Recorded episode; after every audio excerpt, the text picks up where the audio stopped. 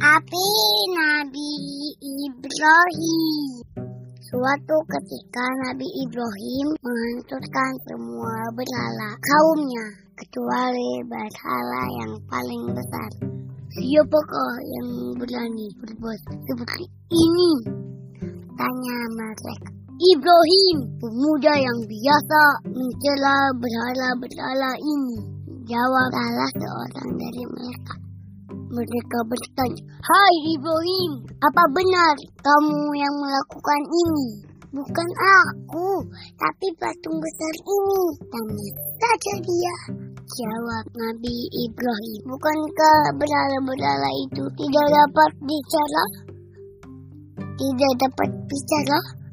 Tukar mereka. Nabi Ibrahim berkata, Lalu kenapa kalian menyembahnya? Lantas mereka membakar Nabi Ibrahim.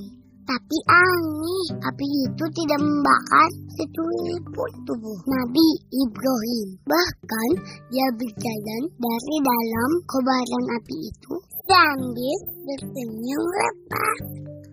Masya Allah. Mengapa Nabi Ibrahim tidak merasa kepanasan dan terbakar?